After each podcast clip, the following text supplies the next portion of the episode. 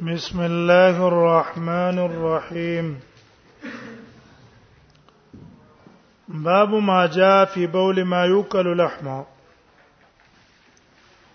باب دې په بیان د میتیازو د هغه حیواناتو کې چې د هغه غوخه خړل کیږي یو حیوان دی ماکول اللحم او هغه په یو ځکه امتیاز یو کی یا د هغه امتیاز په چا باندې اولګيږي نو د دې حکم څه ده مصنف رحم الله د باب نه بدا ثابت کی چې دا پاکي دي بیا حدیث د عرنیینو دی حدیث نا تقریبا درې مسائل لوزي اوله مسله دا حکم د بول ما یوکل لحمه د کم شي خوخه خړل کیږي دا غي د امتیاز څخه حکم نه دویمه مسلې تعلق ته د علاج معالجه سره دی عرنیینو کسانو ته نبی صلی الله علیه وسلم امر کړو د اوخانو په امتیاز اسکلو باندې نو دا تعلق د دوی سره هم لري چې کم کسان بول د معقول اللحم ته نجس وای نو آیا په نجاسات باندې تداوی علاج جایز ده کنه درېمه مسله دا غي تعلق ده د قطاع الطريق سره محاربه چوته وي محاربه او قطع الطريق یو سړی محارب ده او قاطع الطريق ده دا کو ده لار کې خلکو نه پیسې اخلي او سړی موجني نه د دې قطاع الطريق حکم او فیصله څه ده نو چون کې د حدیث څخه د درې مسائل لوزي نو دیو جنا د محدثینو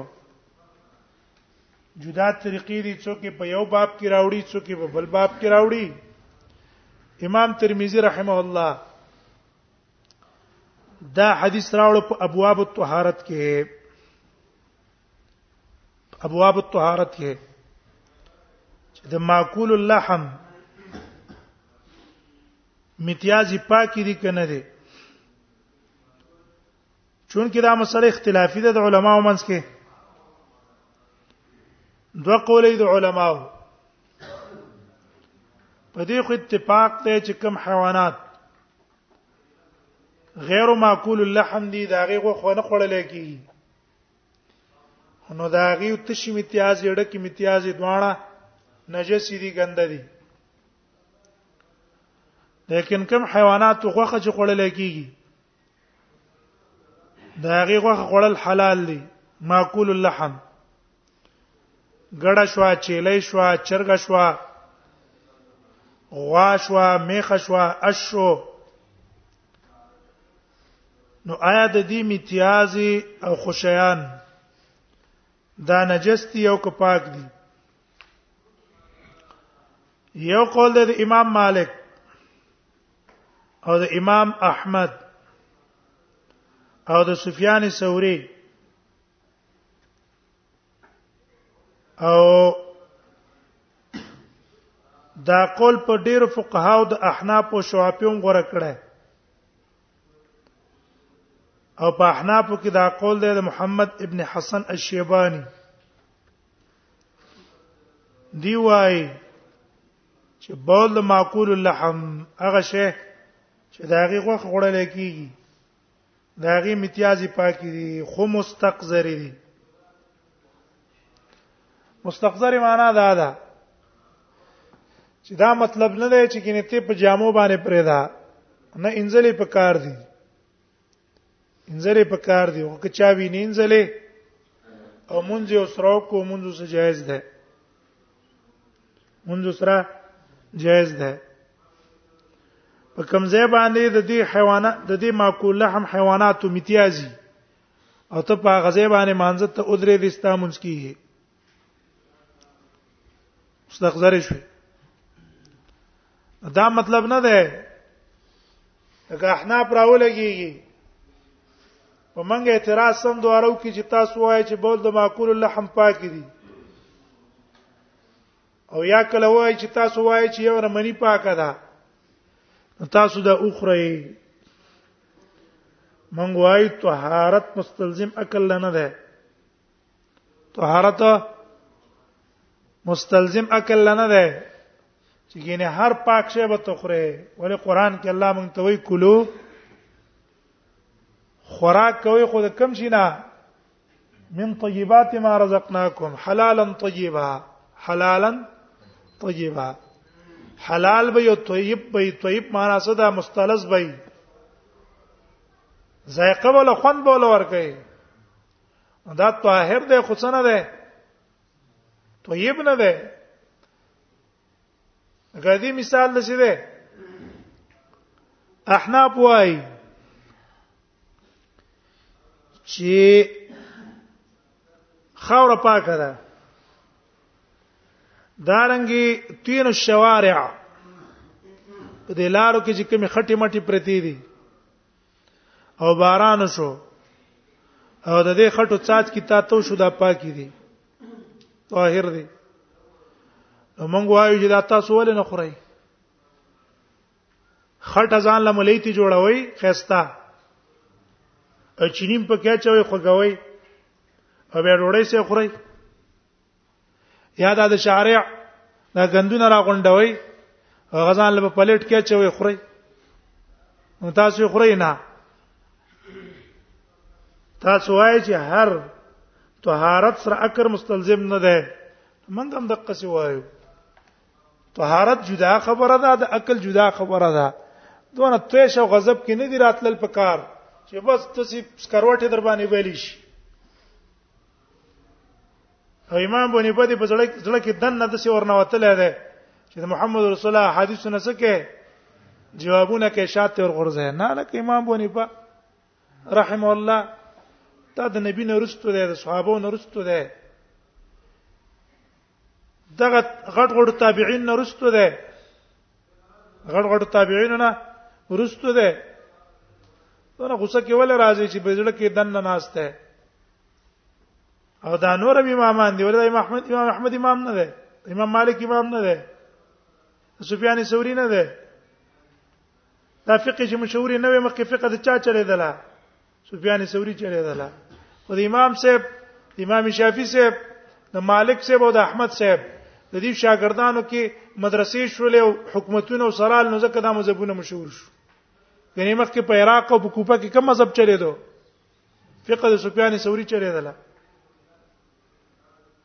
دونه جذبه کې ول راځي امام مالک او امام احمد ته تزمولان ښکاری ته علما نه ښکاری عجیب ادا ده چې ګستاخیر دیو کوي بیا موږ ته تاسو د امامانو بیا ده وای تاسو سي امامانو بیا ده وای موږ ته ګستاخان چې دا د امامانو ګستاخان دي موږ ګستاخان کې تاسو ګستاخان کلک مقلد چې څونه ګستاخ دی د ائمه د حدیث ګستاخ د ائمه نه ده ها کوم علي حدیث چې امامانو ته کنځل کې غل حدیث دی نه انا ته موږ علي حدیث وایو علي حدیث موږ هغه چاته وایو چې هغه متأدبي په آداب د شریعت د علماو احترام بکې ليس منا من لم يرحم صغيرنا ولم يوقر كبيرنا ولم يبجل عالمنا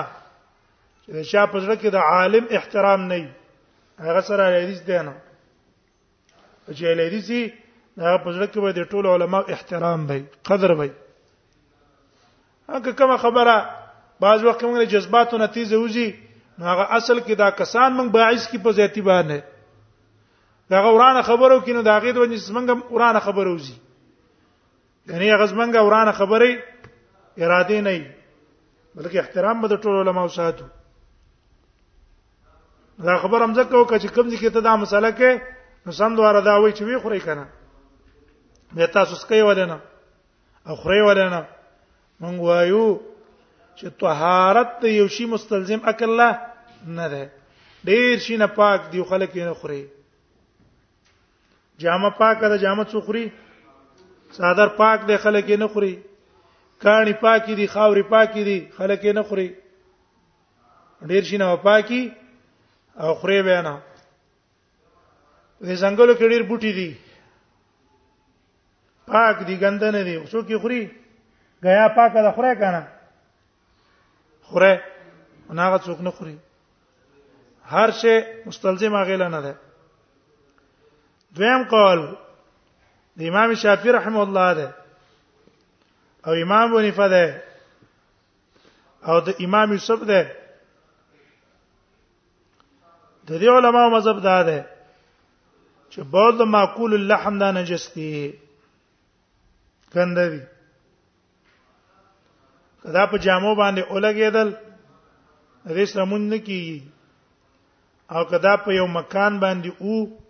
او په نور و چې وینو هغه ځای یا دی په ابو انزل نه ده او په هغه ځکه مونږ کې نو مونږ کېږي نه دلیل دا دی علما اوس ده امام مالک او امام ابو حنیفه د دې علماو دلیل دا ده دلیل وې دا فضله ده د حیوان هڅه شه ده دا فضله ده د حیوان او فضله د حیوان نجسې لکه انسان انسان چې اوبوس کی خوراک وکي نو د خوراک او د اوبو نرستو څه فضله مسانه تلاړ شي او څه فضله کلمو تلاړ شي نو دواړه ګنده دي کنه حالدار چې انسان پاک دی کنه دی انسان څه دی انسان طاهر دی پاک دی نبی صلی الله علیه وسلم فرمایي ان المسلمه لا ينجس او پاک دی په ژوند او په مرګ دواړو کې نو د دې پوزله شو سره دا یعنی چې انسان پاک نو پوزلم څه شو ګنده شو دقه صدام پوزله د حیوان نو دیو جنا دا نجسه ده او دلیل نیولای ده په حدیث باندې مر علی قبرین والا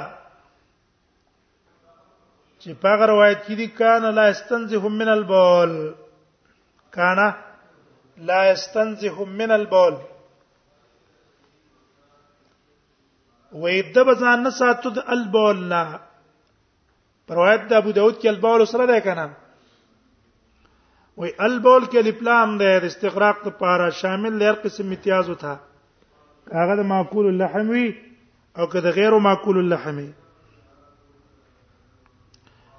دویم استدلال نه ولا حدیث د عبد الله ابن مسعود استنجا به حجرین کی ترمذی کی تاسو ویلو چې فاتیتو به حجرین وروسه نبی سم دوه کانی واغسته او روسه وګرځوله وقال انها رکسن او ویل چې ګوره دا پلیته ده ګوره دا روسه ته نبی صلی الله علیه وسلم څو ویلو رکس یو تو ویلو چې دا نجسه ده هغه ته نجسه ویلا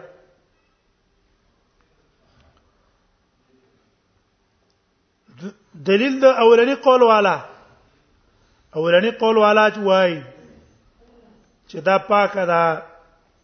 په دې حدیث د باب باندې استدلال نه ولا ګوره د عقل عورینه کسان چې کله رال او دیو باري مدینه نا موافق رااله نبی صلی الله علیه وسلم دې ته حکم وکړو چې تاسو لاړ شئ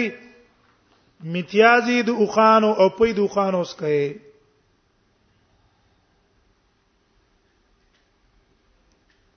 نو که چرته دا امتیازي د خوانو پاک نه وي رسول الله صلی الله علیه وسلم به دې ته حکم په علاج نه کوله ځکه بخاری کې روایت ده د عبد الله بن مسعود او امام بهقي مرفوع امر راوړی چې ان الله لم يجعل شفاءکم فيما حرم عليكم ان الله لم يجعل شفاءکم فيما حرم عليكم الله ستاسو شفا په حرامو کې نه ده ګرځولې نو که چرته دا مردار وې نو نبی صلی الله علیه وسلم به ولې دې ته حکم کولو دویم دلیل دا غیو دا ده ګوره رسول الله صلی الله علیه وسلم په اوخ باندې تواب کړه په اوخه تواب کړه په حدیث د جابر کې دی چې حجۃ الوداع کې نبی صلی الله علیه وسلم په څه تواب وکړو اوخ باندې اوخ چې امتیاز کله کوي اوخ نو خامخا داغه امتیاز په بدن لګي کنه لګيږي او خاص کر هغه په لکې باندې ځان وای دا خپې ګنده کیږي او حال دا دی چې نبی صلی الله علیه وسلم طواف ته مونږ ویل دی کنه الطواف بالبيت صلاه وي طواف په بیت الله د حیثیت لري کده مانځه چې ګور رسول الله په طواف کو سره دا غنه چې دا ګنده ده په امتیازو خدا امتیاز یې پاک دي ځکه جمعه ته بوتللو درم رسول الله صلی الله علیه وسلم پوخ باندې مونږ کړه سبانه کړه پوخ باندې مونږ کړه او خامہ خو په امتیازو ګندې کې نه بل استدلال غداني ولا چې نبی صلی الله علیه وسلم کله جمعه جوړ کړی نو په مرابز الغنم کې به نبی صلی الله علیه وسلم انس کا مرابز الغنم کې او مرابز الغنم دا د امتیازو د پچو نه خالی نه ال تلاړ شي غوجل ته نه غوجل کې به خامخا امتیازي نو که چرته ګنده وي نو نبی صلی الله علیه وسلم مونږ نه کوله امام بخاری د ابو موسی الاشعری اثر نقل کړه وصلى بموسی فی دار البرید هغه دار البرید کې مونږ کو ډاخانه کې او سرقین الی جنبه اخوات خوشیان پراتو د اس ویل چې په دغه خوشیان او دلته مونږ ماته یو شه ده ان صلی ها هنا وسما سوا دلته ولته مونږ کول ماته یو شان دي بل دلیل د طهارت ته ده چې ګوره کابرن ان کابر د پخوا د سلفونو دا طریقه را روانه ده چې په بازار کې خوشیان خرڅيږي خلک خوشیان اخلي خوشیان خرڅيږي هغه چرته دا نجس وې نه دې بيع به جایز نه وې هغه چې یو شی نجسي د نجس بيع جایز ده نه نه جایز بل په دې باندې خلک ډوډۍ پخای ته خوشیانو باندې خلک څه کوي روټۍ په پخای او دا لوګي پروټي باندې لګيږي په کار دای دی روټه ته موږ نجس وایو اچا ته قول د نجس نه دی کړه بل عام طریقه دا ده چې تریشل نه راوته نو د خوا زمانه نه دا طریقه ده چې غنم خلک په څه باندې غوبل کوي دا په غویان غوبل کوي او دا غویان چې په دې کې تاوي نو هغه په دقه تاویدو کې امتیاز هم کوي سټي هم کوي او دغه سټي او امتیاز د غنمو سره ګډ شي او چرته د یو عالم نه قول نه دی نقل چې دا به تاسو څه کوئ دا به جدا کوئ ځکه چې دا نجس دی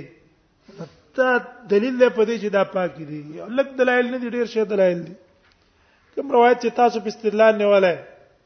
فإن عامه الوسواس منه نو جواب دا غیدا د روایت ترمذی کې وګورئ او روایت د بخاری کې لا استنځه هم من بوله لبلا مهدی د مراد ته نه کوم امتیاز دي انسان د انسان به د خپل امتیاز نه ځان نه ساتو او حدیث د عبد الله بن مسعود د رکسون والا چې کوم ده دا غي جواب دا ده هغه د رکسون والا روایت روایت ابن خز روایت بازار کې دي فانها رکسه حمار روسه حمار ودا د خر دغه وا خوشیو او د خر خو زمون په نسبت باندې څه ده هغه مردار ده نجس ده نو راجع قول د چا شو په اعتبار د دلایل دا ولنې قول شو زمونږ د چا څه څه موږ دلایل په سيزو موږ څه پسې ځو موږ دلایل پسې ځو ها اوس د دې مسلې دا مطلب نه دی چې ګینه امتیاز په ځان راکاږي نه ځان به ته پاکه خو که چرته په جامو دې لګېدلې مونږ څه ده جایز ده غړل قصابان باندې کوي یره بس مونږ ته امتیاز او څاڅ کیو شي د منځونو ته نشو کېدلای هغه ته ورور د امتیاز پاک دي مونږ کوا دی باندې باندې مونږ څه مکوا پرې دمه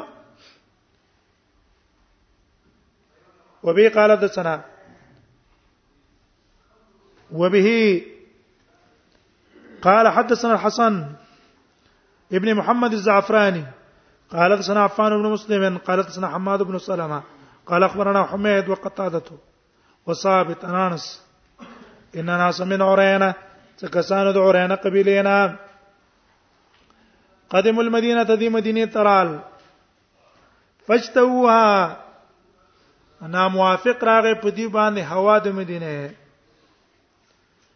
د مدینه هوا د دې سره موافق قران لا فبعثهم رسول الله صلی الله علیه وسلم ولېګل دی نبی صلی الله علیه وسلم فی بل صدقه پوخانو د صدقې کې چې تاسو لاړ شئ لانکیزي کې د صدقې اوخان دي ال تلاړ شئ وقال او تویل اشربوا من البانیا وسکې تاسو من البانیا دا غي پي او ابوالها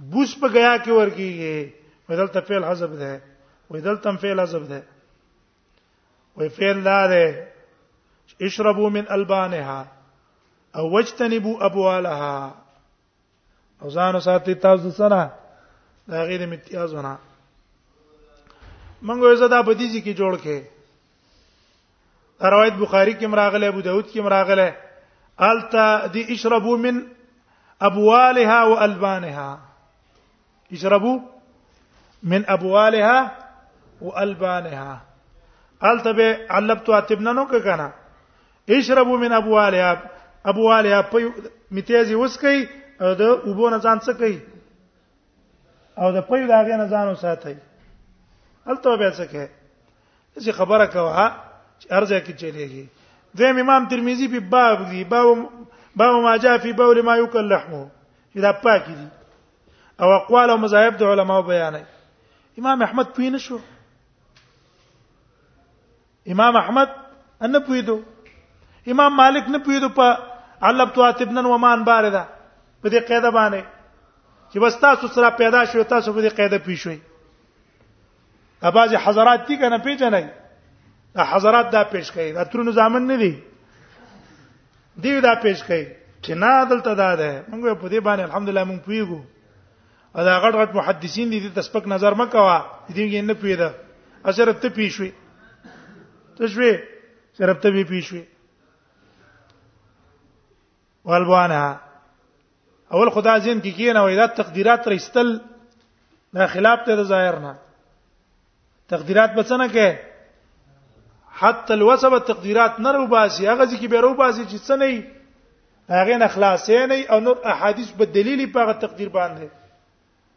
کني به خپل خبره ختمه ده شیګان په خپل تقدیرات رو باسي او بریان په خپل تقدیرات رو باسي او رتن په خپل تقدیرات رو باسي خبره به ختمه شو استدلال به کوم ځای نه وکي غشیاګانو یا ایو رسول بلغ ما انزل الیک من ربک و یا پیغمبر بلغ ما انزل الیک من ربک ورسو تا ته هغه چې تا ته نازل کړی دی ستارب فی ولایت علی خلق ته علی ولایت ورسوه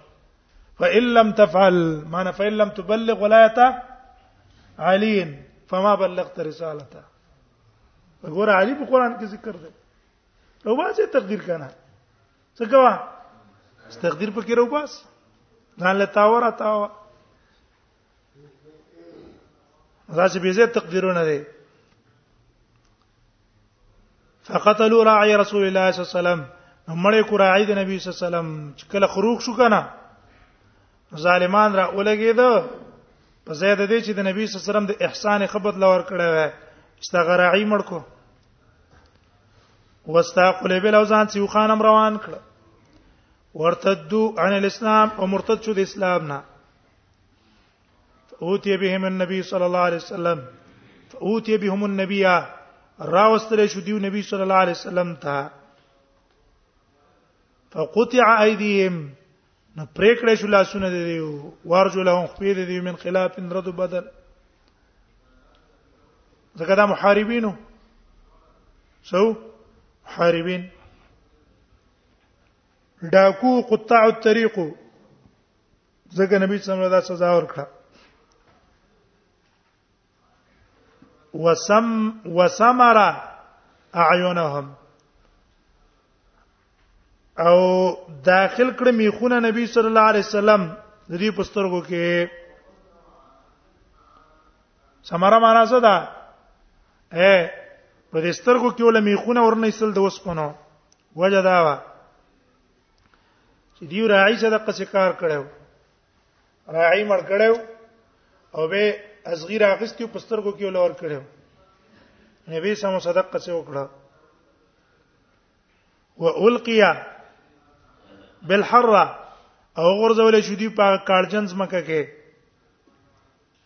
قال انا سيف كنت ارى احدهم ما به یتن لذل یکد الارض بفيه چې چک به لګاو پس مکه باندې په خپل خلا بدبخت انسانانو رسول الله صلی الله علیه وسلم سخت سزا ورکړه کین رسول الله ډیر شفقت والا انسان لیکن دی له دغه سزا ورکړه او رسول الله په لاس مړ چې څونه بدبخت انسانان حتا ماتو وربما قال حماد يكدم الارض فيه یکدم په معنا د چک لګول ده په دې خلی باندې پس مکه چک لګاو او به غختلی وبم لور نکړې شي حتی مات قال ابو سویا ذ حدیث حسن صحیح دا حدیث حسن دی صحیح دی وقد روي من غیر وجه انا انس او دا انس نه په ډیرو طریقو نقل لای او هو قول اکثرهم او دا د ډیر علما قول لای قالوا لا باس ببول ما يكل لحمه دی وی خیره ګنا نشته په خوړلو د هغه شي کې چې د هغه غو خوړل کیږي په امتیازو د هغه شي کې چې د هغه غو خوړل کیږي د شي غو خوړل کیږي او تر اوله کیږي د هغه امتیاز استعمال کې خیره علاجم په جایز ده بدن باندې لګیدلم جایز دي وبي قال حدثنا فضل بن سال العرج قال سنا حمد غيلان قال سنا يزيد بن زريع قال سنا سليمان التيمي عن انس بن مالك قال انما سمن النبي صلى الله عليه وسلم وزدل توي ګوره نبی صلی الله علیه وسلم په دسترګو کې لوسیخان ولې ورومانډل سره دا غنه چې نبی سم د مسلمانه منع کړي مسلمانه منع کړي دا او د سترګو کې سیخان اور منډل مسلکول دي کنه دا وی ټیک د نبی سم د مسلمانه منع کړي دا او دې ته ویل کیږي قصاص بالمثل دیو راعی سره د قصې کار کړو راعی سره چې راعی سره د قصې کار وکړو نبی صلی الله علیه وسلم له مکه څخه سزا مول ور کړه دې ته ویل کی قصاص بالمثل قال انس ابن مالک انما سمل النبي صلی الله علیه وسلم عيونهم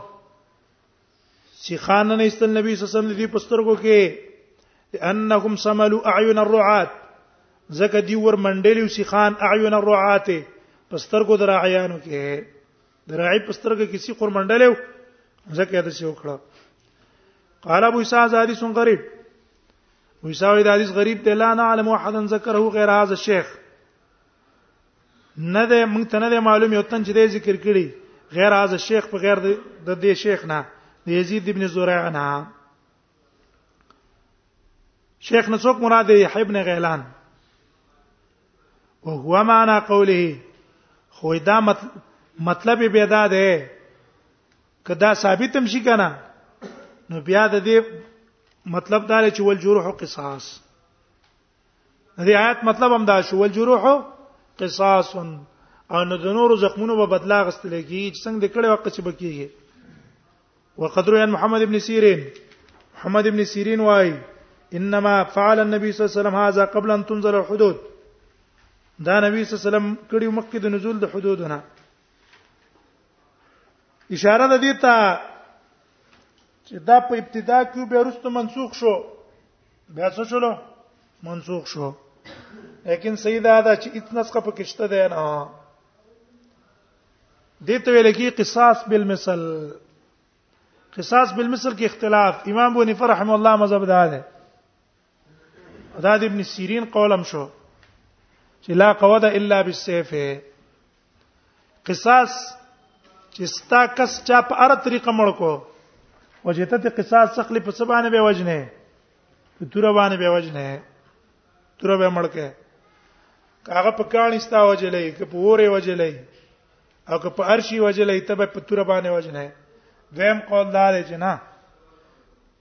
دته قصاص بالمثل وای قصاص بالمثل دا جایز ده نبی صلی الله علیه وسلم هغه يهودي چې او ماشومه ولا سره ولا په دوه کانو کې والو نبی سم هغه څوکړه دوه کانو کې ولا دوس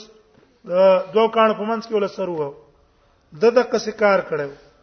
صندوق کسه وکړه چا سړی دیوان له غرزولې قصدن دیوان له بیکته غرزه نه اندی به غرزيږي او مړکه به قصاص بالمثل دی ته وي په گاډي باندې والے د قصدن ته به مدره گاډي په ور ولې په وبه دي ته قصاص بالمثل وای چې څنګه کړی دی دغه سزا به سره کوي نو دا چې منسوخ نه ده وې دا قصاص بالمثل باندې بنا ده اوس په کومه ځای